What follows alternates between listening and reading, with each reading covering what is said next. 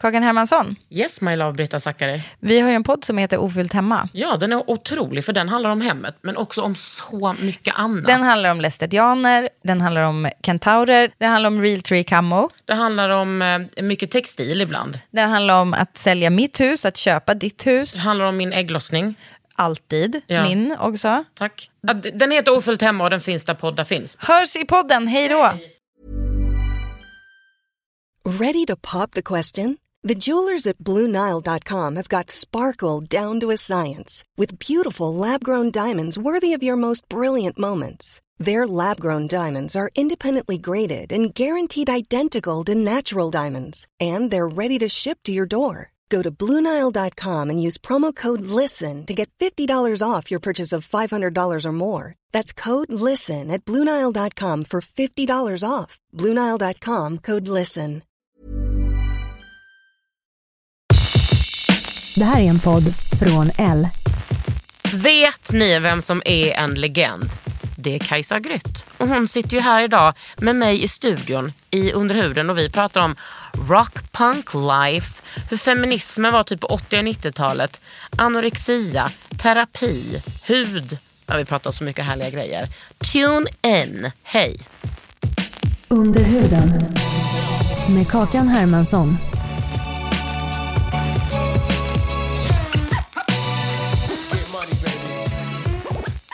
Nu kör vi Kajsa Grytt, det är inte med med det. Åh gud. Alltså det, det var roligt när jag eh, frågade, ser du mig? Ja, när jag frågade eh, liksom mina lyssnare, läsare, följare på Instagram om eh, frågor till dig. Då kom det bara så här, jag har ingen fråga. Jag vill bara säga att jag älskar henne, att hon är så jävla cool. Och hur kan man vara så cool? Nej men gud, vad Ja. härligt. Ha, har du svar på det? Eh, jag vet inte, jag känner mig inte så cool. Men Gör du inte det? nej. Eh, eh, ja, ja, ja, men jag tänker att som kanske alla, det finns väl dagar och som man ska använda väldigt mycket när man verkligen är, bara tycker att man äger. Verkligen, det är super, superhärligt. Men jag tänker att det där växlar ju. Men när känner du att du äger? Nej, men det, jag tror att det är någon slags självständighet eh, bryter i. Att man så här är, det spelar liksom ingen roll vad folk tycker. Spelar ingen roll. Alltså, jag bara gör fan vad jag gör. Och vad härligt det är att skriva den här boken. Eller ha den här grejen som jag... Så, du vet. Ja. Men för jag kan, vara, alltså jag kan ju hamna i de situationerna, men då är det mest när jag typ kanske är med mina kompisar, alltså mina tjejkompisar. Då kan jag känna mig så oövervinnerlig. Precis, ja men det är en grej. Den, alltså tryggheten, härlighet. Alltså jag menar inte att den här konstiga grandiosa grejen är särskilt frisk egentligen. För det är en ganska ensam, ensam känsla. Så att det, den, det där när man någon säger fan vad cool, vad, när man går omkring och känner sig cool. Alltså det är ju narcissism. Förstår du? Det är ju när man egentligen kanske en kompensation. Som du säger, alltså välmåendet och tryggheten. Att bara faktiskt att man inte ens eh, det är som att man är bara ett med si- sin grupp och sina människor. Alltså man nästan inte ens... eh, Ja, man finns, men du förstår vad jag menar. Det, Men alltså är det narcissism? Jag tänker att det... Alltså, ja, men äg, drottningkänslan, gå omkring och äga. ja men liksom. är det narcissism? Alltså jag tänker att så här, okej om man var typ en... Alltså typ, det finns hela många snubbar som går runt och tycker att de äger och så alltså är de, de äger ingenting. Det finns ingen personlighet, det finns ingen hjärna. There is no body. Alltså du vet. Eh, Jag, jag tänker så här, när kvinnor ändå har den känslan, är det inte lite mer överlevnadsstrategi då? Än bara narcissism? Ja, ja, men precis, alltså, och det är ju väldigt...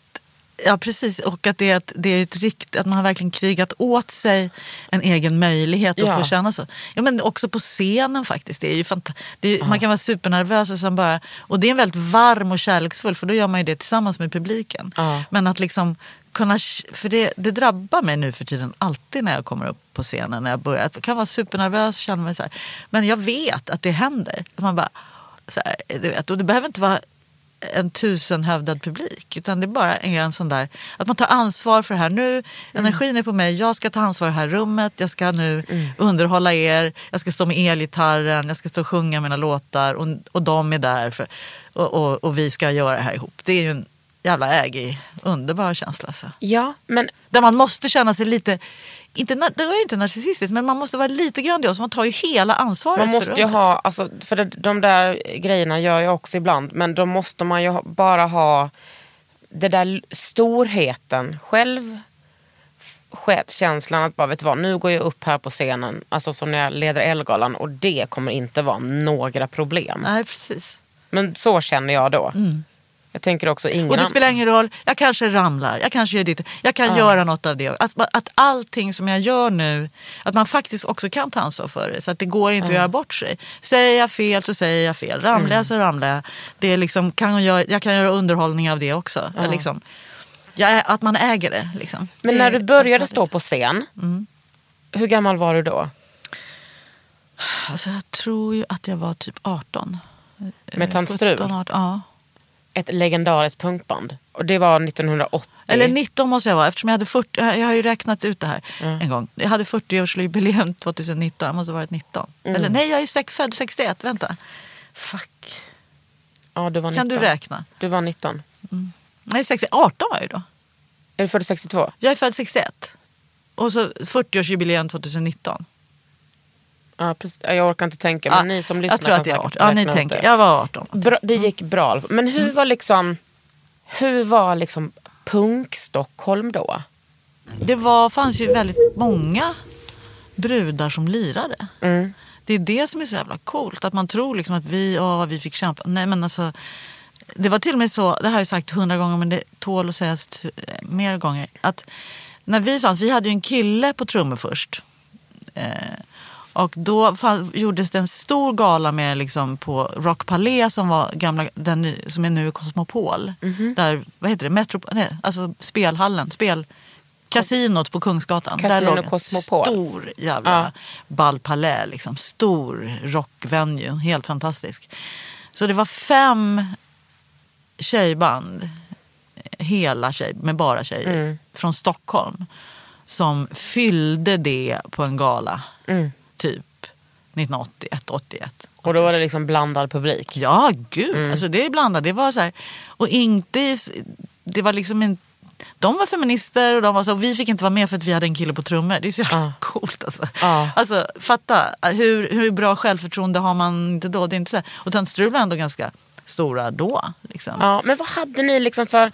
Alltså, jag, jag har så svårt att tänka mig typ 80-talet. När det var så här, ingen social media och liksom, ni var ett gäng så jävla coola tjejer. Som, vad, jag, för jag tänker alltså i så punkvärlden som jag också har, har tillhört. Att man hela tiden pratar om att det inte ska, liksom, man ska, det ska inte handla om status eller utseende. Men hur var det då? Nej, men vi kände, det var verkligen, vi kände det där, ja, men man, det är klart nu har jag fattat att vi var supercoola tjejer. Men vi var oerhört inne i det vi skulle hålla på att göra. Så vi sprang inte omkring och så här. Sen kände vi oss stencoola när vi åkte runt i turnébussen, kom till en ny stad och bara ut med våra klackar och liksom. Så här, Ja. Alla glodde. Det var ju super, superhärligt. Eh, men, nej, men man spelade på, liksom, det var Oasen, Musikverket på Götgatan, Rock Palais, liksom, runt i skolor. Eh, det, det spred sig liksom på andra sätt. Fanzines, ja, som du vet. Men vi spelades ju inte i det var liksom inte radio så att vi blev list. Utan det var en undervegetation, precis som det finns i sociala medier eller så nu. Men undervegetationen spred sig på andra sätt. Men hur kommer det sig att ni aldrig eh, liksom nådde radion? Eller ni kanske inte ville det? Dunkar varmt spelades en del i radio. Vad sa du? Dunkar varmt Ja. våran, här, spelades en del i radio. Nej, men, jag menar, det var ju, det var ju kontroversiell musik. Liksom. Mm. Det som spelades i radio var Magnum Bonum, Magnus Uggla, lite Gyllene Tider. Ebba Grön spelades inte heller så mycket. Nej. Det var ju liksom, du vet, det var rått och man sjöng inte perfekt och det sjöng som sex. Och det var liksom, Ja. Men ni kanske inte heller hade velat vara på radion för det hade nej, det var varit... inte målet. Nej. Absolut inte. Men det, en sak som jag tänkt på, så här, att man aldrig vågade uttala den där grejen. Det var ju liksom att vilja bli rockstjärna och spela på Madison Square Garden. Det var ju liksom tabu att ens tänka. Var det din dröm? Nej, men jag tror inte ens att jag tänkte den. Alltså det, och, och, men det, det kom ju liksom när jag var äldre att egentligen hade, hade man liksom men det hade säkert kostat för att då hade man varit tvungen att ge sig in i liksom hela... Vi sa ju nej till okej för att fotograferna ville, kan ni stå så här? Man bara, nej vadå, vi står inte som du säger. Eller gör reklam för det här, nej aldrig, ni gör ju reklam i er tidning. Alltså man var så jävla taggig på det etablerade. Ja, Man var underbart. jävligt taggig. Aftonbladet kommer inte vara med i jävla Aftonbladet. Sen var man ju det i alla fall. Men då, då höll man på att liksom vara så jävla ö, anti när man skulle prata. För Ja. man, det var liksom Åh, gud, det fuck you, fuck you. Det var hela tiden fuck you, fuck you, fuck Men you. var det innerligt eller var det också så ängsligt för att man tänkte för att ni var oroliga för vad andra skulle tycka? Nej, det var in, innerligt. För det, var, det var väldigt medvetenhet. Alltså, idén om det var ju att vi hade... Så här, och det är så jävla kaxigt tycker jag. Vi tyckte att vi hade ett värde. Mm. Och, och kände så här, aha, ni vill, ha det. ni vill ha av det värdet. Ni vill att vi ska sälja er en jävla skitprodukt. Mm. Nej, eller du vet, eh, vi, är mycket, vi är mycket coolare än ni. Alltså det var en Men väldig hur självkänsla. hade som man, ni lärt, hur hade ni fått den självkänslan? Hur kunde ni politisera eh, er själva och er liksom, Men jag tror att det fanns ju i verksamhet? progg. Alltså det, det, så vi var ju barn av en proggvärld. Mm. Även för jag fick, igår var jag och intervjuades på P3. Då, då skulle de, I researchen sa de så här, punk och progg. Då skulle de säga att, att vi var, trodde de att vi var proggband. Det var ju, vi var ju antagonister till progg. Det var ju de vuxna som var progg. Vi Mm. Ja. gjorde ju liksom... Nej, de, de var duktighetsministrar och trodde att de visste Verkligen. något. Så vi var in, vi liksom ville säga som, göra som vi ville. Ja, och tyckte- var ju så de var otroligt... Eh, tråkiga. eh, det var ju så snällt och, och utbildande. utbildande och duktigt, duktiga på att spela Ja. och liksom eh, präktiga texter. Och vi ville, så att vi var ju antagonister till det. Men, men vi kom ju ur en... Jag tror att det kom ju med, ur modersmjölken på alla oss. Vi kom ju liksom från föräldrar som på något sätt där man se, såg det som att konstnären äger konsten. Och det finns hela tiden ett hot om att vilja äga den och sälja sig själv på den. Har, ju- Det är som min bok handlar om nu egentligen. Ja. Men att det, och det var så i vårt, vårt blod att det var, den motsättningen var mycket mer uttalad då. Men vad hade ni liksom för bakgrund? Vad jobbade era föräldrar med? Alltså, Mina föräldrar är konstnärer, eller arkitekt och konstnärer. Min, Malenas föräldrar, eh, pappan är konstnär och musiker och mamman är, jobbar med på Nordiska museet, liten. ja, men det var ett gäng Det kulturarbetare. var, ja det är liksom Så vad ganska fan... fattiga kulturarbetare. Ja, precis. Inga framgångsrika direkt. Det är lite som det är nu. Eller jag bara, mitt liv. Nej, men att det är liksom eh, alla mina vänner. Så där ser det ju fortfarande ut. Men jag tänker också så här. Vad ska våra barn i min generation, vad ska de göra uppror mot? För jag tänker att nu är det så precis tvärtom. Att eh, om Tant Strul skulle finnas nu. Att det skulle vara, alltså inte nu utan 2020 att det skulle ingå så mycket så Instagram-kampanjer. Här ska ni göra samarbete med det här. Och det, här alltså det, det Mm. är så att läget är så fruktansvärt eh, annorlunda nu. Och att, det är så, alltså, att vissa Det gör det ju- där utan att blinka på något sätt. Men det kom ju, jag tänker, för jag kommer ihåg att jag var på en hiphopkonsert jävligt tidigt när Feven fanns. Och så här. Jag tror det Feven och Petter typ. Typ någon gång i 97. Ja, typ. typ. va. Och så var jag på Konserthuset. De hade en stor grej där. Och jag var, för att ta, hela fonden var liksom Mercedes, Coca-Cola, Mm. go, go, go, go. Och så bara tänkte jag så här, va, men alltså, och så, så var jag tvungen att analysera. Ja men det handlar ju om att vad, man, vad de kände var ju att de ägde. Mm. Att det var ett helt, ett helt annat förhållningssätt. Det är att, liksom, att man äger varumärket genom att de kommer och ber en. Att, att de liksom, så tänker hela hiphopkulturen. Och det finns, det finns ju någonting i det också. Liksom. För att jag, Ja. tror inte, jag tror inte att de här liksom, Coca-Cola ställde några krav på artisten att nu ska ni göra det här och det här. Nej, och jag tror också att det handlar Och det är klass, om... för dem är en underklass. Otrolig klassgrej. Ja, Kanske att underklassen får från- plötsligt känna jag äger det här som Ja. jag aldrig kunnat äga. Och också att man inte har, man har ingen liksom PK-åsikt om att inte göra reklam. Eller Nej. inte fan vad fett att tjäna hundra lök på det här inlägget. Så att, så att det liksom, jag kan, då fattar jag ju den där. Det, och våran grej var liksom, det var ett sätt att vara kaxig. Mm. Att säga nej. Men det var mycket mer etablerat sätt att vara kaxig. Det, det fanns ju de som var kaxiga på ett annat sätt. Liksom. Jag menar, Ma- Magnus Uggla var ju superkaxig på ett annat sätt. Eller Magnum Bonum tyckte jag att de var kaxiga genom att göra. Vad är kanske- Magnum Bonum? Aldrig hört talas om. de var skitstora. Factory fanns det också. Factory och Magnum Bonum, de var skitstora. De var ju de stora då, men ingen kommer ihåg dem. Är det pop? Ner, ner, ner, ner för backen, ner. Ah, så ja, skate. ja, ja, ja. Någon slags töntig svensk, jag vet inte, Magnum Bonum. Ja, men jag, det är ingen som minns dem, men, men de var liksom det stora. Men sådär, så att det är väl det som man kan kalla det proggiga. Men jag tänker att det, det var inte så jävla... Det var politiskt medvetet, men det var också någon slags så här... Vi behöver inte er. Eller ni ska inte få, ni ska inte få cred av det som vi skapar. Så. Nej, med all rätt. Att få vara i fred liksom, från det där. Men på samma gång som man kan känna att... Men också när jag tänker, det där, det där suget på att åh fan, tänk om man ändå hade liksom åkt på den där banangrej, eller det där som fanns då. Så att man kanske kunde bli liksom världsstjärna. Ja. Nej, men du fattar. Så här, men, men, eh, Ja, men eller så hade det något- hade säkert kostat en massa. Som jag, tror inte, jag hade nog inte klarat det. Jag är för alldeles så skör, eller vad ska jag säga? Moralisk skulle jag säga. Alltså att du mer... Ja, både det Ja. men också att jag är den här bli- ut- utifrån blicken. Mm.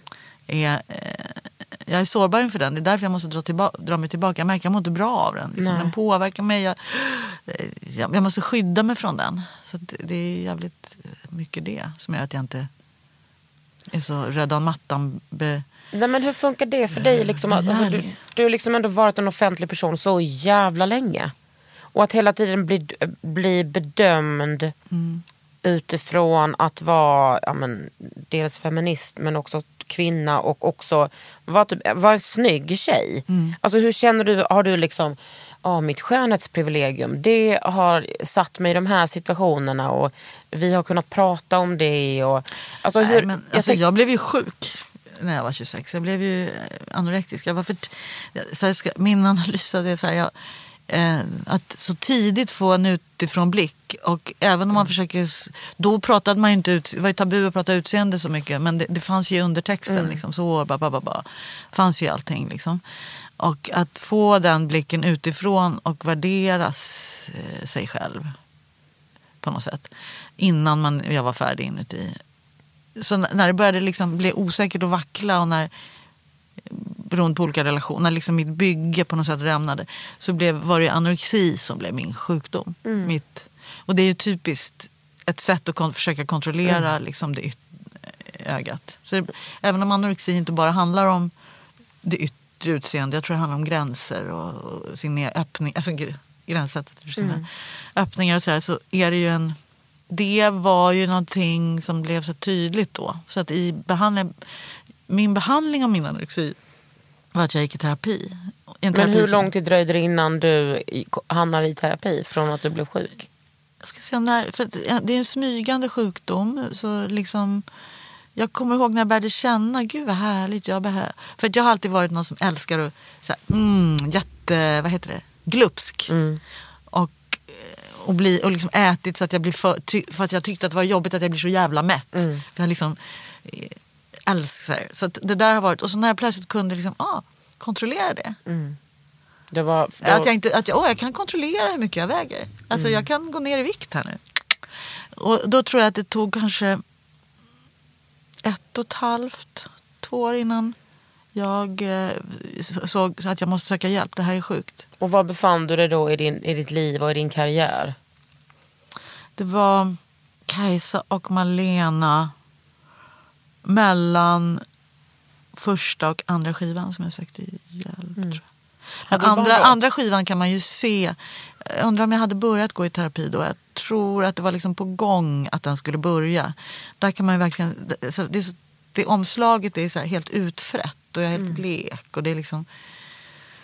Eh, man ser något. Och den skivan tycker jag också man hör något upplöst i liksom vissa låtar. Och så här. Men var detta det var typ början av 90-talet? Slutet av Nej, 80-talet? det är 80... ska vi se, Jag är 26, ja, 87. Mm. Men vad, vad hade man liksom för, för behandling av anorexi Nej, då? grejen var att jag sökte, då fanns det något som hette terapi institutet, tror att- psykoterapiinstitutet. Man gick dit och fick tre samtal och då bedömdes det om man skulle kunna få terapi. Och så att jag gick till en vanlig terapeut och jag fick, han, det var en gubbe, han tog mig på direkt in på sitt, han sa att det, det är ett års väntetid egentligen men jag tar dig på min mottagning. Så jag började gå och han eh, pratade inte om anorexin. Han pratade om, vi pratade om ilska om mig och mamma och allt. Men jag började ganska genast, jag tycker jag ge- genast började i ett, eh, någon slags tillfrisknande. Men det var en långsam tillfrisknande. Alltså, inte den där, jag blev inte så sjuk så att jag åkte in på en klinik. Jag vägde 47 tror jag. Jaha, men du är ändå lång. Jag är nog liksom. lång så att det är lite. Det är alldeles för lite. Men, det, och jag åkte inte in. Men jag kan tro så här. Hade man börjat lägga in mig och tvångsmata mig så att det börjar bli de här svängningarna. Så då kan jag tänka mig att anorexin skulle kunna eskalera. För skräcken för att börja käka när man är i den där och att andra ska bestämma. Den är så, den är så grotesk. Alltså det, verkligheten är ju helt förvrängd. Liksom. Så, så jag trodde ju då att alla vill bara liksom, eh, alla är bara avundsjuka. All, alla vill att jag ska liksom, Ah. du alltså helt så att det där måste ju lång... Så att jag tänker för mig var det jävligt bra att det blev... Att träffa en gubbe. Jag träffade... Ja, gubb, sjukt att det var en gubbe. Men Ja. gubben som... som bö, bö, bö, bö, in, så vi pratade inte om... Men jag kände mig trygg. Jag började äta och träna. Att jag tränade, att jag började lära, jag började fridans, jag gick på olika saker för jag lärde känna min kropp. Vilket gjorde att, jag till, att den började användas så att jag började äta. Att jag, att Och min då kropp, måste man ju käka när man tränar. Min kropp måste, ja precis. Och att min kropp var någonting som jag ville, som skulle användas. Ja. Men fanns det en skam för dig att, eh, eller hos dig att vara feminist och eh, ha liksom anorexi? Att det var liksom att du var en dålig feminist? Eller var det... För det kan jag tänka mig nu, alltså samtidens feminister. Att det är någonting som man, eh, man ska förstå.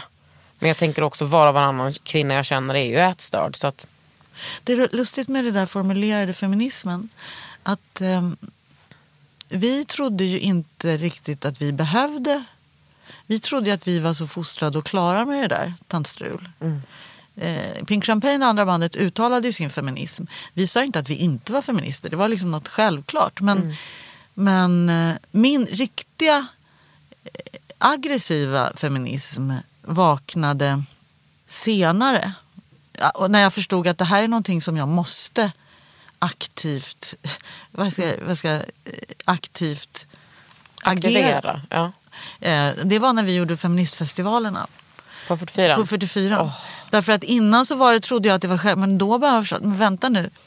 Patriarkatet är aggressivt och mitt dåligt mående, alltså hur jag har blivit sedd som artist. Allting, allt mitt som jag har, och, och hur det har varit i mina kärleksrelationer. Liksom, allt det där som, och, och vad effektivt det har liksom eh, borrat sig in och förstört mig. Alltså förstört min självkänsla. Men var ni ett gäng då som, eh, som hittade liksom den här strategin samtidigt med varann? De, var ju, de andra var ju, jag tror att de var Var mer Eva uttalade. Fuchs och Eva? Fuchs och de. Vi var, de var nog mer uttalade. Jag var väl uttalad då också liksom, när vi började med den där. Men det, det var så jävla tydligt med alla föredragen. Så här, jag visste det. Jag, hade, jag menar, det var ju självklart om man pratade om det. Men när det verkligen landade i mig eh, på det sättet att, att det var en strategi. Att den, hela verkligheten som jag hade levt i var berättad utifrån ett patriarkat som ville eh, att jag skulle vara, tillfredsställa deras blick. Att, det liksom, att det var, det var jävla otäckt och också härligt på ett sätt. För det, och sen så kom ju, sen kom ju egna arbeten med saker som man har med sig själv. Men att Alltså var menar du härligt på det sättet man härligt förstod att se att, vad fan, nej men att det inte bara var jag som var helt Jag vet för att om man... i huvudet. Jag fick, om man får reda ut, vänta nu, vad är deras förväntning? Vad är min? Vad, vad, vad är det jag ska leva upp till? De säger att det här att jag har varit så härlig och sårbar, alltså, sårbara fina Kajsa som sjunger att, han, Gud. att liksom, och det, drömmen om att vara ihop med mig var att jag skulle liksom, eh, sitta, att de skulle få åka omkring med mig på motorcykeln. Liksom. Men när jag, var en, eh, när, jag var, när jag inte ville ha deras hjälp och stöd till exempel Ja. i mitt konstnärskap, då var jag super alltså, irriterande. Det var verkligen, jag skulle bekräfta dem. Ja. Det, var, det var liksom det var intresset för mig, alltså mötet med en annan människa. Det, det var inte så, jag var verkligen någon att använda. Så jävla... Och, och det hade jag ju liksom inte sett igen. Alltså, Nej, men då är det ju liksom som att, eh, alltså det är twilight zone, Ja, att är bli feminist då. Ja, så sent. Ja. Eller, jag var feminist innan, men du vet att börja plötsligt se wow, det aktiva. Att Mm. börja se sina vänner, de här som man tror är jätteschyssta. Ja, men vad fan, vad hade vi för roll? Liksom? Var, var, var, ja. Men kanske också att ni hade kommit undan. Alltså, jag tänker att man kan bli feminist eh, av olika anledningar och olika tider i livet. Men att, att du blev den där lite mer, eh, jag vet inte, kan jag säga aggressiva. Mm. Att du kanske hade kommit undan för att du hade en sån central roll. Att man liksom hade en Jag hade så... makten då på Ja något precis, en så hög status. Precis. Men, men det- var också så här, okej den här höga statusen. Vad fan gav den? Den var ändå jävligt lätt att bara placera liksom i sårbar gull, alltså i något Mm. annat. Så här. Den var ändå inte liksom samma status som de andra eh, snubbarna i den där. Nej, men alltså, gud, inte, gud. När man börjar förstå så okej de får göra massa så att all, till exempel att mitt skivgörande, jag blev ju droppad efter varje skiva. När, liksom, när man, okej, jag är jätte, de är jätteintresserade, men när det inte säljer direkt, medan sen, ja, killarna fick hålla på och testa och göra skivor. Alltså, Gud, de får vara kvar i sitt pojkrum resten Ja, av livet. ja, liksom- Men är ni samma generation som Ebba Grön? Ebba Grön och Ja. Eldkvarn och Plura. Och, De fick leka, leka vidare. Men hur var de där feministfestivalerna? Jag, alltså för mig var de, fanns ju, när jag flyttade till Stockholm Var det var det ju alltid bara, ja ja, feministfestivalen på 44. Det var ju kanske det var 2000. tio, vi höll på tio år. Ja. Liksom, det, det var, de började ju, när började de då? Eh, Jag se för mig för 94, men de måste börjat alltså typ nästan 90. Mm. Kanske till och med åt, på slutet av 80-talet. Och vad, vad, vad pratar man om då? Gud, det var alla, du vet, det var, det var Agneta Stark pratade ekonomi. Det var, det var alla, i alla, vad ska jag säga, fack. Alltså medicin, ekonomi, politik, böcker, författare. Liksom, utifrån ett perspekt- feministiskt perspektiv. Det hade inte pratats om på det sättet. Nej. När man bara säger att det finns en annan läsning. Finns en annan litteratur. Ja, du vet.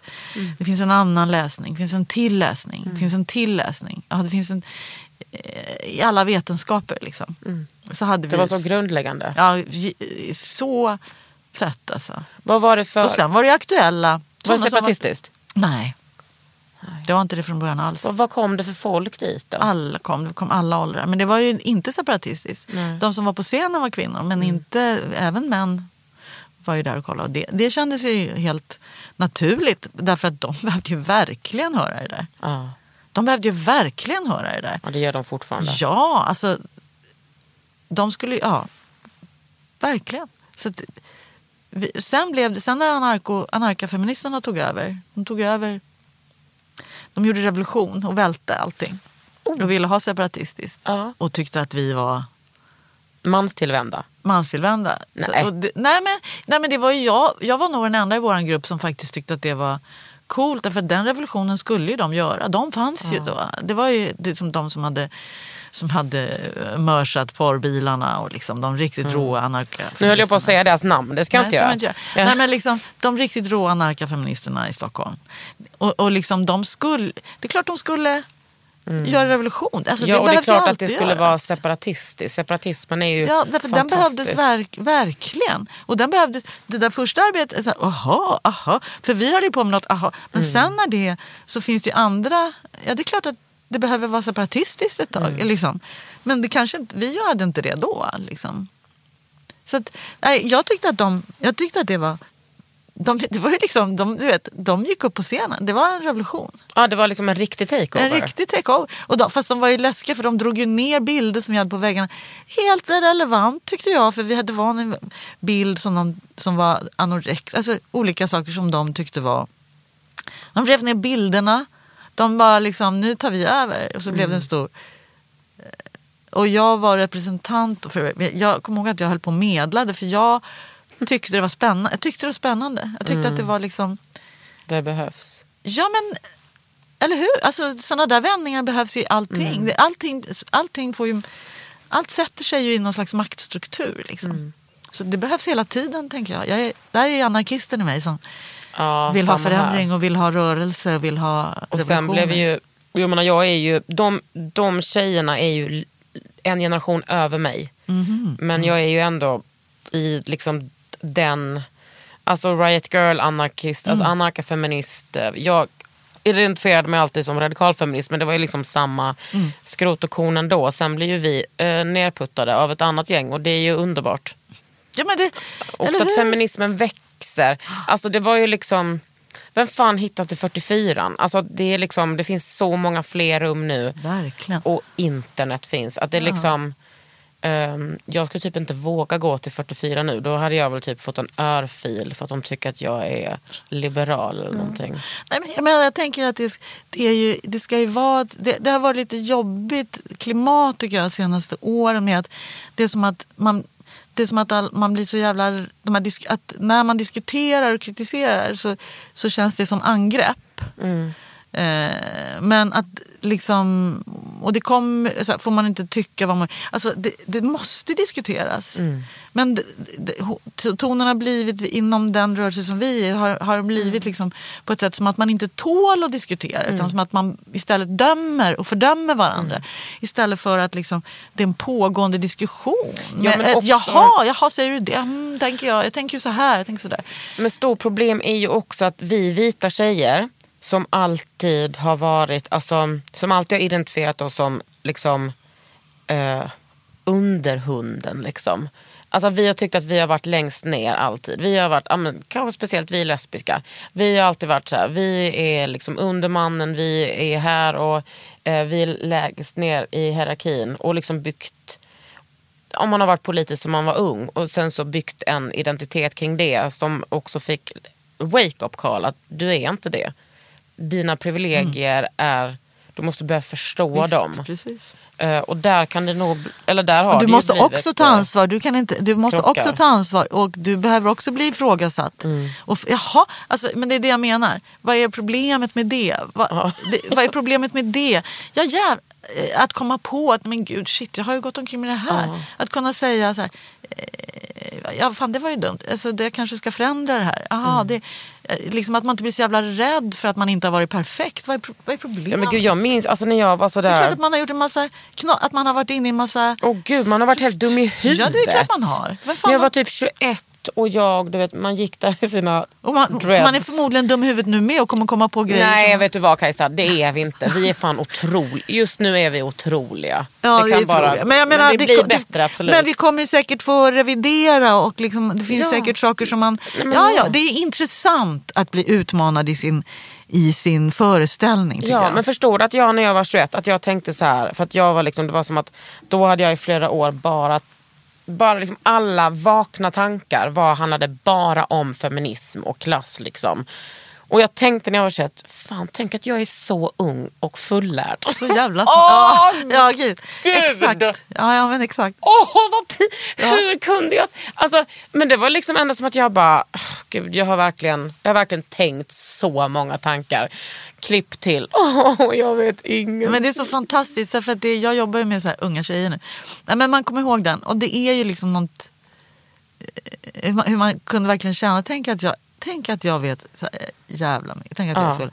Ja, och den själv, självgodheten är jävligt fin. Men, Ja, men speciellt så här, som så- aktivist. Som, så- va? Spe- Speciellt som aktivist, Ja, alltså, då kan så den vara lite skön att fin. ha. Men sen är det så också intressant för att på samma gång så fanns det ju även i det, så för det man separerar ju, i alla fall jag, det här intellektuella, där, där, där. sen fanns det ju en jätteosäker inuti, alltså det känslomässigt var man ju hål. Mm. helt ensam, alltså den där stora gränsen mellan utvärlden och den Ja, och själslivet. rädslan över, alltså jag menar i den aktivistvärlden jag levde i så man skulle vara så tuff och man skulle liksom göra så mycket olagligheter och liksom, ja men det handlade ju om alltså, våld. Jag var, ju så, alltså, jag var ju så arg och gick på helspänn hela tiden så när jag började i terapi och förklarade liksom mina smärtor då sa min psykolog, men Karin är du, är du spänd hela tiden? Ja.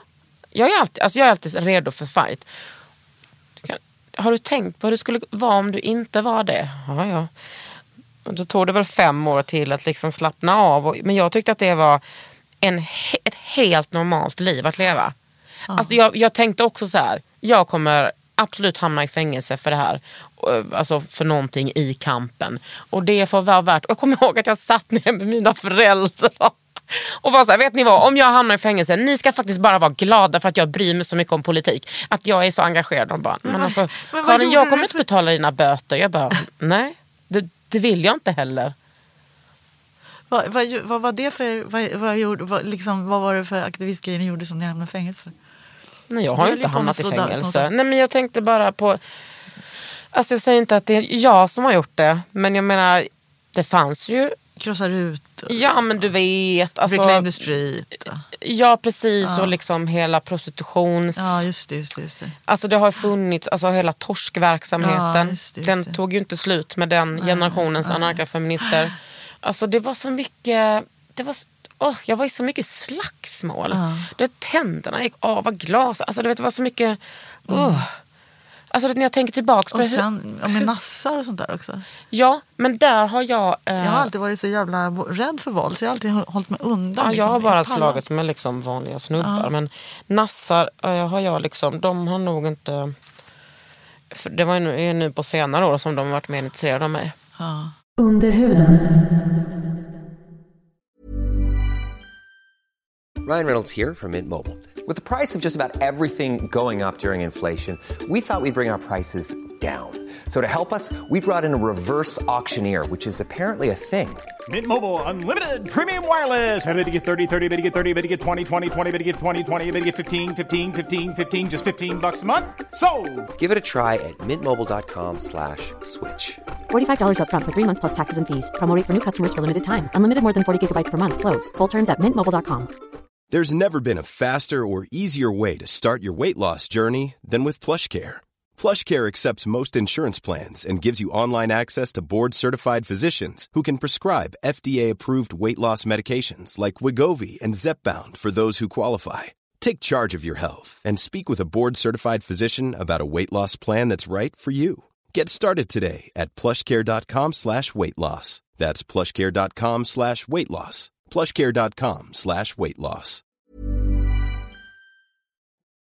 Om man ser dig på scen, om man ser dig som eh, privatperson och om man har läst dina böcker, då tänker jag som dig att du är så mångfacetterad och modig. Alltså att, den, jag läste ju den där, heter den nio dagar, nio nätter? Ja, just det. Eller åtta eller sju. Eller Nio- nio ja. dagar, nio. Nej, men den skiljer sig supermycket från din nya bok. ja, verkligen.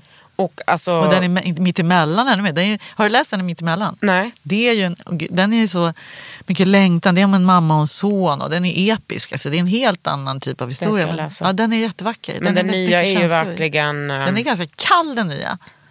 Den är ganska kall. Ja, alltså. den Men är jag kall och typ sökande på något Mm. sätt. Och eh, den vill jag verkligen rekommendera alla som lyssnar att läsa. Den kan ni gott köpa, den behöver ni inte låna.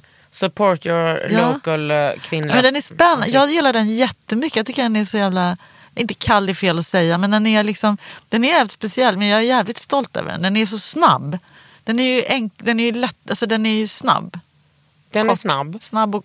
och Men den är också... Och den är störig. Brainy, är den inte ganska brainy? Jo, det tycker jag att den är. Men också, jag läste ju den... Stå så här, bara, nej vadå, det är sånt som du säger. Mm. Eller göra reklam för det här, nej aldrig, ni gör ju reklam i er tidning. Mm. Alltså man var så jävla taggig på det etablerade. Ja, Man var underbart. jävligt taggig. Anti Aftonbladet kommer inte vara med i jävla Aftonbladet. Sen var man ju det i alla fall. Men då, då höll man på och liksom vara så jävla ö, anti när man skulle prata. För att Ja. man störiga. Den är störig. Ja, jag jag hade en, eh, nu läser ju inte jag så ofta snu- eh, så här, eh, manliga författare. Jag kan inte ens ta ordet i min mun, manliga författare. Nej, men, eh, jag läste ju den utifrån dig. Mm. Jag läste den utifrån att jag vet att du har jobbat tillsammans med Rosenlundstödet. Mm. Alltså jag läste ju, jag applicerade ju de personligheterna som jag tror och tycker du har Mm. på den här boken. Därför tyckte jag att det också var en rik och intellektuell bok. Mm. Alltså att man trycker in alla de här maktrelationerna och maktanalyserna i den här liksom den här rika gubben. Och liksom, Man vill ju bara att det ska gå dåligt för honom. Men den är... eh, Men jag tycker att det, alltså, som feminister... Det var någon som så, undrade, varför är rika, är de verkligen sådär? Man bara, så, men Ja. alltså ja. de är ju as. Det jag känner, jag känner jätte... Alltså det är inget konstigt att han säger sådär. Sådär Nej, det- självgod det och det grandios. minst, det eh, är liksom konstiga. jätte... Alltså jag känner massor... Jag är, alltså det är helt Man behöver inte ens vara rik för att vara så. Nej. Men jag tänker att det är liksom... Att det är... Att feminister, och det har säkert med din ålder att göra, att du, har, att du är mogen. Liksom. Men att det, många feminister i min eh, generation vill ta så himla mycket ansvar. Och det tyckte jag var så skönt i den boken. Att det är så här...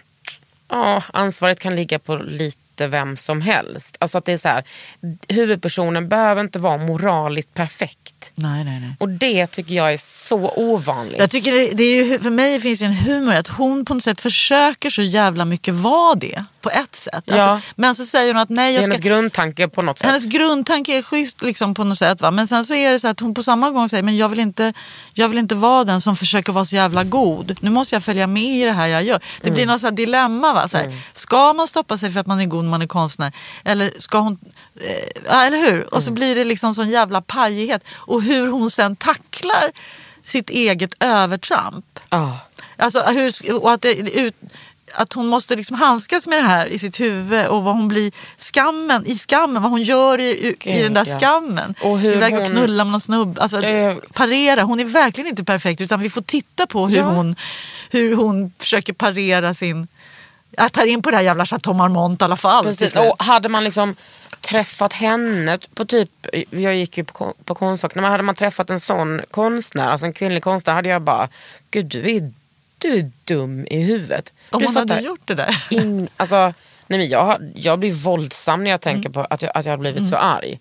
Hur, på sättet hon exploaterar en, en Men annan hon kvinna. hade ju, hon vill ju, det hon säger nu är ju det här är det sista jag gör. Mm. Hon hatar ju att hon har gjort det också. Hon är bara så här, jag ska visa, jag ska bli straffad. Så till slut är det så här, jag vill bli straffad. Mm. Och det här liksom, det är, det är inte okej för henne att hon har gjort det. Men hon säger på samma gång kan jag inte censurera. Det här är ju den jag är. Mm. Det, här ska jag bli, det här måste döda mig för fan. Eller jag, jag kan inte göra något mer nu. Det är slut. Liksom. Men ändå måste hon visa det för att Få så- pengarna. Ja, för, för att få pengarna men också för att eh, jag tror att hon söker absolution i att hon, att hon vill ha bestraffning. Alltså. Ja hon vill ju straffa honom med. Jag vill straffa honom men också visa sitt, vilka, eller också är det för att hon ska ha pengarna. Men jag, jag tror att jag tänker att hon, om hon skulle liksom bara, ja egentligen borde hon ju inte ens visa, hon borde ju bara dragit liksom. Men då tycker hon att hon är en mes om hon bara drar. Hon tänker att okej, straffa mig. Ni fattar att ni måste läsa den där boken alltså. Det är inte mer med det. Men hallå, en sak som jag tänker, alltså har tänkt på oproportionerligt mycket. Det är när du var med i eh, Så mycket bättre. Och sen skulle du ut på en turné efter det. Som ställdes in för att det var så mycket hat. Alltså, det har jag tänkt på. Så, och det är också för att jag själv har eh, eh, upplevt så mycket hat att jag har ställt in grejer. Men var inte det alltså helt... Alltså jag tänker så här, varför pratar inte alla om det? Ska, men, eh, så här eh, tänker jag om det där.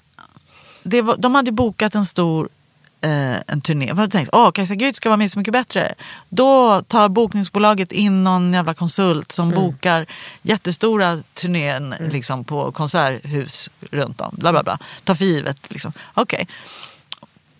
Och så är jag med Så mycket bättre och så blir det liksom, för det första både alltså, journalisterna de bara öppnade ju för free shoot på mig. Bara, Vad gör hon här? Och Virtanen, vår kära vän, Virtanen, Virtanen skriver till mig på Twitter, eh, nu får du ingen indiebehandling längre. Så att han liksom förvarnar mig om att liksom, vi kommer mörsa dig när du är med där. Och de mörsade ju liksom. Ja, att, vad är hon? Hon är ju inte Lill-Babs hon är väl bara känd på Skånegatan. Så att man öppnade liksom för free shoot. Så jag fick liksom sånt jävla, både på Så mycket bättres egen sida på Facebook. Så var det liksom. Och sen in i min korg. Och så här. Nej, det var där också. Ja, men jag stängde ju den då och bara kände okej nu eh, och så gick det där programmet och sen så var den här turnén som skulle vara. Och så såld, och det, det var liksom inte eftersom det blev den där stämningen kring mig då att jag eh, så, så sålde inte den heller så bara sålde väl sådär men okej. Men jag blev så jävla sårbar och kände de kommer fortsätta. Mm. Och liksom, Åh, tror att du ska dra in liksom så här mycket folk? Vad är det för jätteturné? Och bla bla bla. Du har ju inget folk. Bla, bla. Jag bara kände, jag liksom backar. Jag har ingen Mm. lust att göra. Och att den här turnén då, då ska man hålla på och sjunga då. Carola-låt, Orup-låt, ba, ba, ba, ba. det räknades ju med om man gör en så mycket bättre turné. Och så jävla kul tyckte inte jag det var att sjunga de där låtarna. Jag tyckte inte att jag gjorde det så bra. Jag, jag gör min grej bättre. Jag tyckte liksom inte att mitt... Jag tyckte inte att... Jag är en... Jag, jag sjunger mina grejer liksom. Jag håller på med mitt uttryck. Jag är inte en sån, sån artist som... eh, Det, det är liksom inte min grej. Så att, så att, och då när jag sa fan jag pallar inte göra det. Alltså jag vet inte om jag, då hakade ju eh, mitt bokningsbolag på. Och alla hakade på eh, i det där att lägga ner. Man hade ju kunnat tänka sig att säga, men för fan Kajsa. Vi, gör en, vi bantar ner turnén, vi gör en mindre, vi gör din turné. Vi, eller att de hade kunnat backa mig och stödja. Nu, så här, stödja mig. Men de, Eller vad hade känts bra för dig Kajsa? Ja, hur vill du att vi ska göra det här? Mm. Och att de hade stött. Men jag upplevde inte att jag fick, utan alla blev rädda runt omkring mig. Och Mm. jag bara kände att, förstår du? Att liksom alla, även bokningsbolag, skivbolag. Det är som att alla gick med i den där tveksamheten mot mig. Så jag kände mig, jag kände jag kan inte driva det här själv. Nej, själv. Och stå med hela den här failuren, liksom, att jag ska vara en jävla failure. Mm. Jag har ingen lust med. Så att, så att jag backade liksom utifrån det också. Och sen gjorde jag en turné på sommaren med, mitt, med ett band som jag satt ihop med mina kompisar. Tjej, liksom liten på bas och Jenny på keyboard, Fabian på trummor. Eller du vet, så här Din son? Kompis, ja, kompisgäng som åkte runt. Det var jättemysigt. Sen åkte vi till New Orleans. Jag spelade in en låt som hette Jag är inte som ni. alltså antagonistlåt. Jag, var- hade, jag, det kan ju se knäppt ut liksom, men jag re, reagerade. Jag, jag hade hade man varit, jag fick så här, några skrev du ska inte lägga ner den där turnén, kämpa på, var tuff. Så var det någon journalist som, det är en journalist som ville säga, men vi trodde ju att du var en tuff punktjej. Ja, Hur kan det. du vara så här med? Precis, då, och allting ska ligga på dig, inte på liksom det där absurda kvinnohatet som florerar. Ja, nej, men jag, utan jag skulle liksom då bemästra det där. Och det var ju, det, ni har ju, du har gjort det så jävla fint och det är många som har gjort det så jävla fint tycker jag. Bara, eh, backa kaka, så här, du vet backa de där. Så här. Men jag eh, bara kände, jag ruttnade liksom. Och, offentligheten har aldrig varit min arena. Liksom. Det har inte varit, jag har inte sett mig som att jag har varit beroende av den. Utan det har varit mitt jobb med mina grejer hemma. Så att jag är, inte så, jag är inte så helt bekväm heller i den där offentligheten faktiskt. Nej, men alltså, offentligheten är sjuk i huvudet. Och det är ingen som säger till en. När man börjar nosa på offentligheten så, offentligheten så är det ingen som säger till en att det är så här det kommer vara när du är mitt i den. Nej. Och det tycker jag är så eh, läskigt alltså. För när man väl är i den, alltså det ska mycket till för att man ska bli liksom bortglömd. När man väl har varit där. Liksom. Ja. Alltså det, är, alltså jag kan inte, det är så mycket som man måste kompromissa med när man är i den där offentligheten. Ja, Alltså nej, det- jag känner ju att jag aldrig liksom riktigt... Ja, eh, som när, vi, när jag blir inbjuden på biopremiärer så håller jag på ofta så här, gå runt den där. alltså, Ja. jag, jag, jag liksom inte... Man tänker man bara yes, en gratis bio och sen bara nej just det. det Jag måste ju stå mycket. här på den här. Liksom, och det, det finns ju många som gillar och jag fatt, det kan man ju verkligen gilla. Liksom. Men det är ju inte jag så jävla inte kul. Jag tror att när man längtar efter det så tror man att det är härligt. Men jag tänker de... Jag, jag har haft andra... Jag, jag, jag tror att det är det som gjort från början som gjorde att jag liksom eh, har fortsatt att göra andra jobb. Va, jobba med vanliga jobb. Därför att jag tror att jag känner att jag tål den inte. Mm. Jag, alltså, som det som hände är så mycket bättre där. Jag menar andra kan ju tåla den men jag har ett psyke som inte riktigt tål den. Så det, det har ju kostat. För att jag inte har Det kostar blivit jättestor. så mycket. Jo, för er som, som på något sätt går ut i den och tål den liksom, och är i den. Nej men Kajsa, jag tål inte den. Alltså, jag skulle inte säga att jag, alltså det, hela den här Fast du hanterar den du är inte sjuk. Jag tror att jag hade blivit eh, sjuk. Alltså jag, jag mår piss av den. Så att jag behöver ett annat jobb. Gå till det här behandlingshemmet där jag jobbar. Där, där jag liksom, ingen har en aning och jag jobbar bara med det som jag är bra på. Där, med, med den relation som är mellan... Eh, de, de här små tjejerna har ingen aning. De som jag jobbar med. Men de, Ja men så känner jag, alltså jag tänker att om man har en grund i sin liksom, familj, alltså, framför allt med mina, alltså med kanske min ursprungsfamilj och min flickvän och liksom min familj och mina vänner. Det är inte som att de bara, Kakan Hermansson. Alltså, jag har sånt starkt feministiskt nätverk. Där liksom, när det handlar om så här livsviktiga frågor, allting, alltså alltid som rasism eller liksom kvinn, ja, men kvinnor som utsätts för våld och prostitution. Alltså, då är man ju bara samma lilla fjärt som alla andra. Också du vet i min ateljé alltså, i Botkyrka, det är inte som att jag går runt där och bara Kakan Hermansson. Alltså det Nej men precis, men det, då tänker jag, då hade du byggt upp det. Tänk mig, alltså mitt gamla kompisgäng från när jag är tonåring. Det lämnade jag ju och när jag gick in i vuxen, gick in i det här spelandet, musik. Så att där har jag ju varit den där hela tiden. Så att jag kanske har liksom tre, fyra personer. Som, och sen så familjen. Men liksom, utan det, jag tror att jag kanske har då, som inte har, had, jag har inte något annat egentligen nätverk. Jag har varit den där så, sen jag var så liten. Liksom. ja, men Förstår jag, du? Alltså, Du har en annan där du bara är Karin. Liksom. Mm. Men det har jag haft tror jag på mina jobb. Mina Mm. vanliga jobb. För att i den andra... Ja, det är ett litet gäng. Tant Strul-tjejerna, Mm. några tjejer till. Liksom.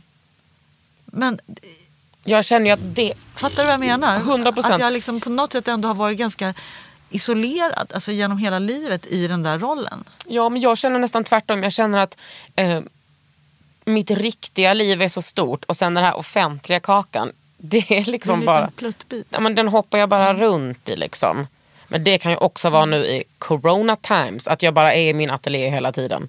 Jag är där, sitter där och jobbar och liksom är där med min kompis som har Ja, men som är min gamla så här, punkkompis och vi håller på. Du hade ju hållit på och levt ditt liv som tonår så här, och har med dig en massa människor som du hade innan det liksom blev Kakan Hermansson. Mm. Ja. Men det hade inte jag. Nej, det är Fattar väldigt stor skillnad. Jag hade liksom inte det. Och att jag blev så här känd. Sen så, jag tror att det är därför jag har liksom backat ur. Alltså, Mm. Det finns en ensamhet, en solitär, en, en, Mm. eh, en ensamhet som jag har levt i hela livet eftersom Ja, det, det, jag, har liksom, jag har ett nätverk, visst, men där, där känner jag också att de där grejerna påverkar. Liksom. Kajsa Grytt-rollen. Liksom, som, Ja, Jag har ja. lämnat ut mig så här, du vet. Mm. Eh, de vet mycket mer, alltid. Om man vill veta mer om mig än vad jag vet om dem så är det hur lätt som helst. Ja, men för det blir ju också... Alltså, alltså, jag kan bli så trött på Kakan Hermansson. Alltså att det är så här, var, jag, vilka jobb jag än gör så är jag alltid i centrum. Jag har ingen liksom, jag har alltid den primära rollen. Jag är alltid den som är på scen eller den som gör prog programlederiet. Jag är Ja, inte producenten eller liksom någon som... Nu Du jobbar inte i, i, där du är en av ett team bara hela tiden. Nej, det gör jag ju här på L och det är det som är underbart. Mm. Och när jag är keramiker, då är det ju liksom... Mm. Och i min... Ja, du är ju sån jävla projektionsyta. Liksom. Liksom också så här, Mm. Men en sak, jag är ju ändå ja, men jag är musiken. Mm. Men du är ju eh, persona. Liksom. Ja. Du, är, ja, men du, är din, du gör din konst och du gör den så här.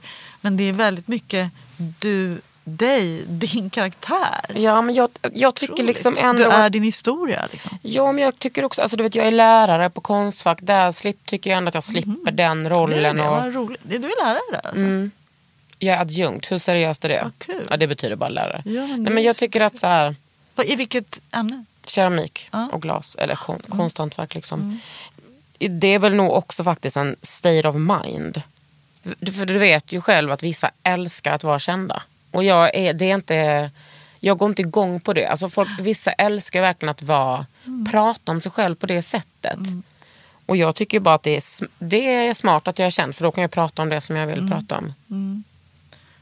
Precis. Men grejen är inte så jävla kul. Nej. Nej. Det är Men däremot så ger den ju en möjlighet. Så får man ju inte sticka under stol. Jag menar gud, jag får ju möjligheter. Om jag, jag håller på att lära mig skriva filmmanus nu. Mm. Så är det ju liksom eh, en jättestor skillnad för, för mig att säga att jag, har, vill, jag skulle vilja presentera en, en filmidé. Men gud, samma här. Jag håller ju också på med en annan, film liksom, nu. Alltså det är ju... ingen vet vem det är. Så det, där har jag ju jätte... Ja, alltså Klart att vi, man har fördelar. Det, det, det nu sitter inte- vi ju här och bara, det är så jobbigt Nej, att vara nej, känd. det är underbart. Alltså, Ja. man har fått möjligheten. Mm. Liksom. Man får möjligheten, att, får möjligheten att göra saker som man... Liksom, det är ju helt fantastiskt. Men det har, man ju, det, har, det har man ju förvärvat med det som man har gjort tidigare i och för sig. Mm. Men det, på ett sätt kan jag tänka att det har varit det värsta som kunde hända min självförtroende eller självkänsla. Och på ett sätt det bästa som kunde hända. Att ha varit en sån, jag kände mig alltid som en sån freak när jag var liten. Du vet ADHD, bara, uh, fatt, kunde liksom, fattade inte gränser, fattade inte, hade ingen impulskontroll och bara kände mig alltid utanför. Och sen så jag blev, jag blev ju aldrig en i mängden men nu blev jag kanske någon annan som fick högre status. Och på ett sätt var det kanske bra och på ett sätt skitjobbigt. Men det är massa jobbmöjligheter. Det, det är ju just jobbmöjligheter. Om man tänker så här, grunden. Grunden för att vi ska kunna överleva. Mm. Att, få gå till, att få göra ett jobb som man tycker är kul. Mm. Och kunna leva på det. Det är så, så många människor som som jag också ibland, jag kan känna ibland, jag vill verkligen bara skriva men jag kan inte leva på det. Alltså böcker. Mm. Eller, eller film. Vad är det Men- för film du gör? Jag, håller på, jag går på Alma eh, utbildning Ah. och lär mig skriva film och seriemanus. Gud vad kul. Så jävla kul. Men jag vill ju bara göra det. Men sen så när jag väl är på jobbet så, så trivs jag med det. Men i perioder kan jag ju verkligen önska liksom att jag bara fick göra, för det där streta till jobbet på morgonen klockan åtta, gå dit och jobba och göra det här och inte kunna helt bestämma hela tiden vad man vill göra. Det, det är ju en ynnest och en lyx. Ja. Eh, och det är ju, det är ju den där kändisgrejen som skapar det. Mm. Att man uppskattar det. Att man uppskattar när man Mm, Och- bara och- gör och det här att- jobbet. Att jag inte är tillräckligt känd liksom, så, för så att jag inte kan det. Eller Mm. inte har odlat det. Det har ju kostat att jag också måste streta med min försörjning. Mm. Eh, så, så det finns ju fördelar med det. För att jag får, som du säger, jag slipper den här offentligheten mycket mer än vad du gör. Mm. Eh, men å andra sidan så eh, måste jag streta. Förstår du vad jag menar? Mm. Streta. Ändå härligt stret. Vet du att jag ska bli terapeut sen Ja, också? jag är glad för det stretet jag har, för det stretet är väldigt, väldigt kul. Men Hur, hur ska jag bli terapeut sen då? För det är mitt, när allt det här är över, då ska jag bli gå en terapeut. stegetutbildning. Antingen så måste du gå typ bli socionom och Nej, sen läsa steg två. Nej, men då ska du söka en uh, steg ett-utbildning. Den som jag gick kostade. Eh, Det gör de ju ofta. För det är liksom... Och den var på två år. Och då jobbade jag på behandlingshem. Jag tror att du ska, måste jobba på behandlingshem på golvet. Mm. Eh, det gjorde jag då. Och hade Är det jobbat bara i, liksom hade jobbat i åtta år. missbruksrelaterat? Nej, nej. Det måste, nej, nej. Men jobba liksom som vikarie. Man jobbar på, på någonstans i behandling Mm. eller med människor. Jag jobbade på behandlingshem med missbruk då. Och jag hade jobbat där i åtta år när jag sökte. Och Mm. då så kunde jag komma in för att jag hade jobbat så länge med det. Och sen så jobb, eftersom jag var, då såg det, sågs det som praktiken eftersom jag jobbade på dagarna. Och så en dag i veckan så gick jag på utbildningen. Mm. Så jag, jag tror att man måste nog förvärva först antingen utbildningar eller jättemycket erfarenhet av att så här, jobba med människor. Jag hade inte bara gjort jag hade jobbat innan. Men jag har jobbat med, extra med människor hela tiden. Från början på dagis, sen med handikappade, sen med ja, så jobbat med utvecklingsstörda, sen jobbade jag missbruk. Sen jobbade jag som copywriter faktiskt i åt, åtta år på re- reklambranschen. Gud, alltså du har Helt ju gjort allt. hårt. Ja, det, var, ja, men det utbildade jag mig När faktiskt till gjorde också. du det? Ja, när gjorde jag det? Det var ju jättespännande. Jo, när jag fick barn. Alltså från 94, nej, 95, 96 till 2002. Var det liksom ett heltidsjobb? Ja, nej, jag jobbade bara tre dagar i veckan. Eftersom jag, man tjänar så bra där. Så det var det jag ville. Jag fick barn och så tänkte jag jag kan inte jobba på nätter och kvällar eh, för att få in extra pengar. Utan då måste jag jobba vanlig arbetstid och så måste jag få in mer pengar. Ehm, så då tänkte jag, men vad kan jag kommunicera med ord? Så, och så har jag liksom min, i familjen en, eh, en eh, reklam, gammal reklamikon. Så att jag gick runt och sökte, så här, jag kan kommunicera med ord på alla olika byråer, massa byråer. Och så hamnade jag på en liten rolig, konstig byrå. Eh, och så utbildade jag mig då på samma gång. Gick på Bergs copyrightutbildning. Alltså, Ja, så, så jobbade jag med det i ja, vad var det, åtta år någonting. Men vad fick dig att sluta med det då? Ja, men därför det, det var ju liksom inte... Det var Vad kul så länge, ja, men så länge som jag höll på att lära. Alltså det var en helt ny värld. Mm.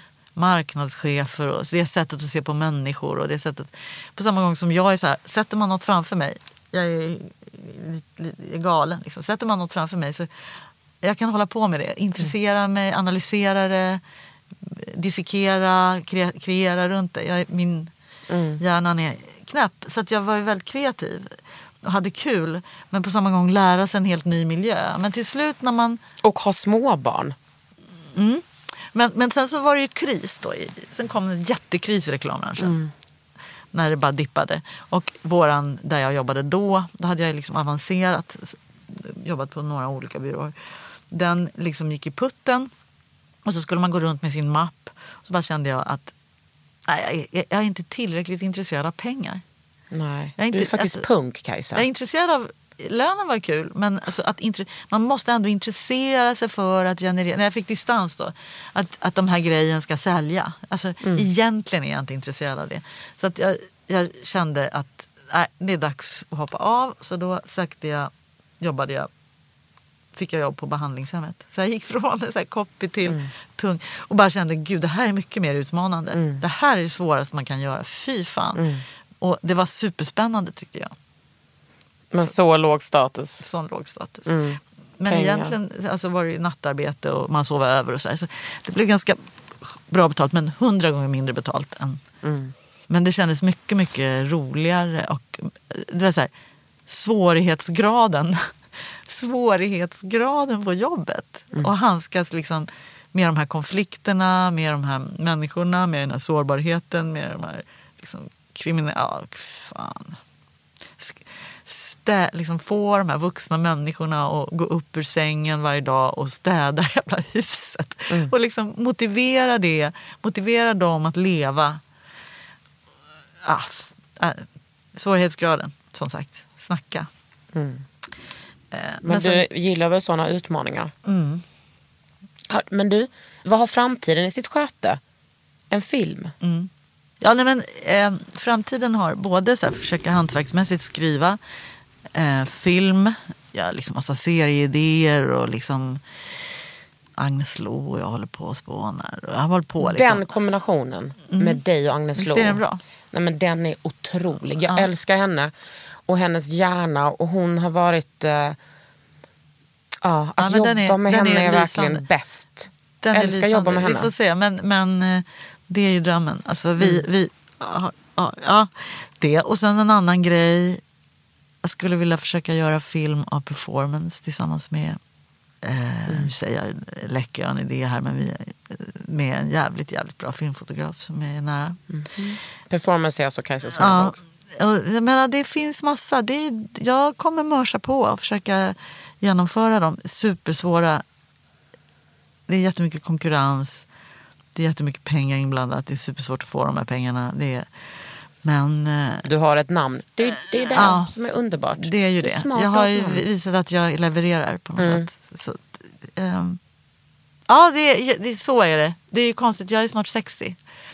Så det är underligt, un, underligt att känna en sån här öppning. Jag känner liksom att jag är väldigt hungrig på liksom jättemycket ny, sådana nya, nya kreativa världar att vara i, vilket film är. Men film är Mm. någonstans min... Det är min favorit. Min favorite art. Mm. Det är liksom det som jag går igång på mest faktiskt. Så att det är så konstigt att jag inte... Jag, jag sökte DI en gång på 90... Eller så här, jag, sökte, jag gick en manuskurs på DI på 90-talet, tidigt 90-tal. Jag sökte regi. Och det sjuka var att jag sökte fiction. Med en film som jag gjorde på... eh, Filmade på mina människorna som jag jobbade när jag jobbade med handikappade. Eh, men den var ju, det var ju typ dokumentär. Liksom. Men jag använde den och sökte på den. Men jag sökte fiction. Och kom vidare och kom vidare, kom vidare, kom vidare. Kom till sista intervjun och liksom de bara så här, de vill verkligen ta in mig. När jag sitter där så säger de, varför vill du söka dokumentär? Och jag bara, nej alltså, jag söker fiction. Så jävla dum i huvudet. Jag, jag skulle ju inte ha sagt det. Jag skulle ha sagt, så fattade jag att jag hade hamnat liksom på dokumentär. Ah. Men jag sa det, vilket ju gjorde att jag eh, inte kom in. För jag hade sagt, nej men jag söker fiction. Mm. Fuck. Så, att, så dumt. För jag hade, kommit, hade jag kommit in på dokumentär så hade jag lätt kunnat hoppa över på fiction. Ja men vet du vad, nu får vi tänka så här. Men det var väl Tänk meningen. den filmen du kommer göra nu. Den kommer vara otrolig. Alla filmer, alla nej, men, serier. Visst, nej, det är ingenting. Det är ingen stor grej. Men jag bara tänkte på det nu. När, alltså, för jag tänkte så här, va, varför har jag aldrig provat förut? Jo, men jag har ju det. Jag skrev ju pjäser också på 90-talet. Men, men sen då när det var så men gud vad jag splittrar mig. Jag måste ägna mig åt något. Så då ägnade jag mig åt musik igen i massa år. Men nu är jag så här, eh, så här, trött på popbranschen. Gud, det är så skönt med dig att du gör så många saker. Jag, jag, jag gör ju också det. Jag känner mig också så det. trygg i det. Jag känner mig så... Alltså, känner mig trygg i att vara en... Jag har alltid varit så mångfacetterad. Renässanskvinna. Jag känner mig trygg i det. Det behöver inte betyda att man är sämre på många saker. Alltså jag är jättebra på massa saker. Jag är inte med med det. Nej. Och, utan det är en slags förhållningssättet som är ens eh, konst. Om du ska samla ihop, du har ju liksom en grund. Vad är det som du håller på och driver? Liksom. Mm. Och det driver du på olika sätt. Eh, Som man formulerar i, i, i livet. Olika. Mm. Det är Och sen så är man bra på, det är kul att bli bra på olika sätt att göra det på. Ja, och det är så himla kul att eh, utmana sig själv. Jag tycker att det är så eh, kul att göra saker som jag är rädd för. Mm. Typ, jag hade sån scenskräck innan och jag tycker att det är jättekul att utmana alla de här grejerna. Men Fan, du har presenterat Ellegalan i fyra år. Fyra år. Ja. Men Kajsa, eh, tack för att du kom hit. Men tack själv. Nu fick inte jag fråga dig om hudvårds... Men du kan fråga mig om hudvård. Du, du har ju en otrolig hy. Nej, men alltså... Det, det är liksom, ibland har jag bra eh, liksom flow, men nu har jag liksom massor med produkter som bara tar slut och det är liksom, jag har ingen koll. Bara, alltså, det är verkligen så här... Eh, det, och då blir det så jävla oekonomiskt. Man bara köper olika saker och nu har jag inga pengar att köpa. Så, det, så total förvirring. Då ska vi gå till skåpet Kajsa, kan du få lite grejer? Då kan du tala om, du kan, vi kan prata om det. Så kan du säga så här, men den här typen av hy som du har, jag tycker du ska göra det här. Det här Men jag både- tycker A och O är de här sakerna. Rengöring. Det gör jag ju mycket. Precis.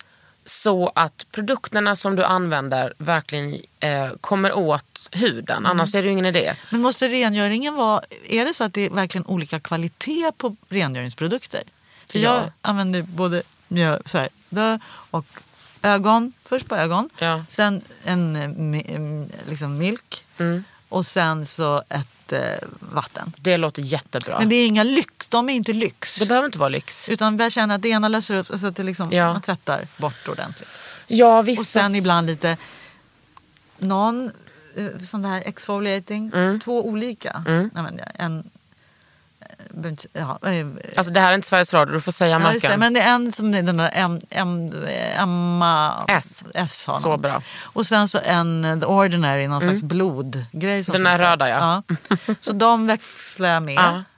Och sen så några grejer från Ordinary. Och sen ehm, en, på dagarna en slags ol, eh, en L300. Det är så bra. Hyaluronolja. Hyaluronsyra. Den. Ja, det är en, Ja. ja. som är en olja Ja. för syra.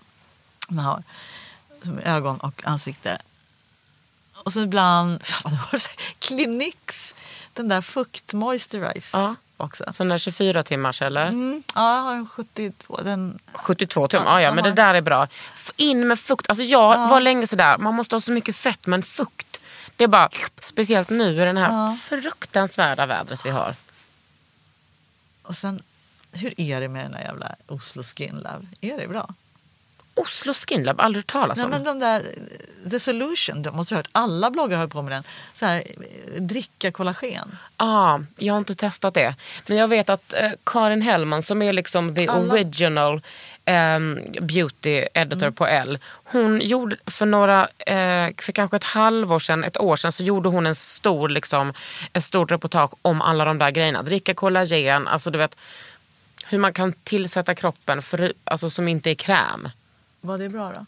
Eh, Nej, men grejen är att, jag känner mig lite tveksam till Jaha, att dricka Där, där kollagen. man liksom, du vet, jag tror att de har pumpat in i bloggerskorna, eller i poddorskorna. Ja. Så att de har liksom sålt in det så jävla mycket. Eh, och jag köpt, jag liksom gick igång på det där och jag men, och tyckte att det funkade då. Men jag vet inte om det gjorde det. Och sen har jag hört liksom att de har testat nu att det liksom Alltså jag tror att att, det... man- att det är bara sånt jävla lur att de har verkligen fått massa flis för att sälja in dem där. Jo, jag tror att man måste, att de måste när injicera det. slutar, liksom.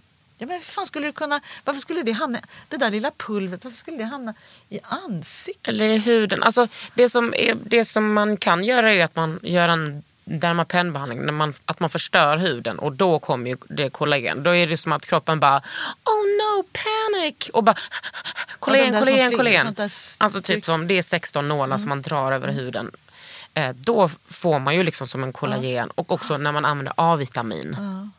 A-vitamin är ju retinol och det är liksom det enda vetenskapligt bevisade funkar mot liksom fina linjer. Alltså A-vitamin och, Det är bra. för, och det har inte The Ordinary sin? Gillar du The Jo, de Ordinary? har, nej, det, jag använder inte det. Alltså, det är också för att jag får alla andra produkter i hela världen. Och då kommer jag inte använda ett serum för 69 kronor. To be honest. Nej, för så man tänker alltså, eftersom det är så billigt så kan det inte vara så jävla bra.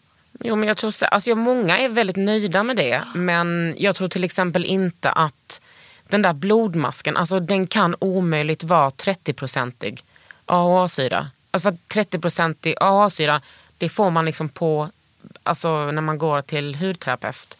Alltså och får en sån mask, det gör jätteont. Alltså 30 procent, den kan inte vara det. Eh, Men Man kan inte sätta så på så. Grejen att man, jag tar, när man tittar på bilder så, så är folk helt röda. Mm. Ja. Så mycket kan man inte sätta på. Då är den liksom, jag te- sätter på mycket tunnare. ja. ja, men det är nog bra. För den känns som, jag har läst om den att folk får liksom jätte, den är stark som fan. Ja. Jag har precis gjort en behandling där jag liksom fjäll, jag har jättemycket pigmenteringar. Alltså jag fjällade av hela ansiktet i en hel vecka. Och nu när jag var ute i helgen eh, och satt i solen utan SPF. Jag glömde det. Eller jag hade lite men det var inte mycket. Och då, då, kom, då fick jag inga pigmenteringar. Saknar liksom dem lite. Jag gillar att vara sådär som en karta i ansiktet. Jag vet inte vad Kajsa, nu är, det här är världens längsta podd. Vi måste avsluta. Du har lyssnat på Under huden med mig, Kakan Hermansson och Kajsa Grytt! Du har lyssnat på Under huden med Kakan Hermansson. En podd från L.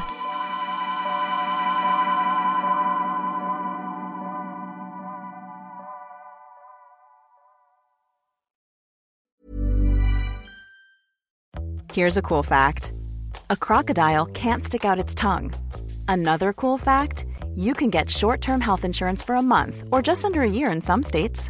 United Healthcare short term insurance plans are designed for people who are between jobs, coming off their parents' plan, or turning a side hustle into a full time gig. Underwritten by Golden Rule Insurance Company, they offer flexible, budget friendly coverage with access to a nationwide network of doctors and hospitals. Get more cool facts about United Healthcare short term plans at uh1.com. Mom deserves the best, and there's no better place to shop for Mother's Day than Whole Foods Market. They're your destination for unbeatable savings, from premium gifts to show-stopping flowers and irresistible desserts. Start by saving 33% with Prime on all body care and candles. Then get a 15-stem bunch of tulips for just $9.99 each with Prime. Round out Mom's menu with festive rosé, irresistible berry chantilly cake, and more special treats. Come celebrate Mother's Day at Whole Foods Market.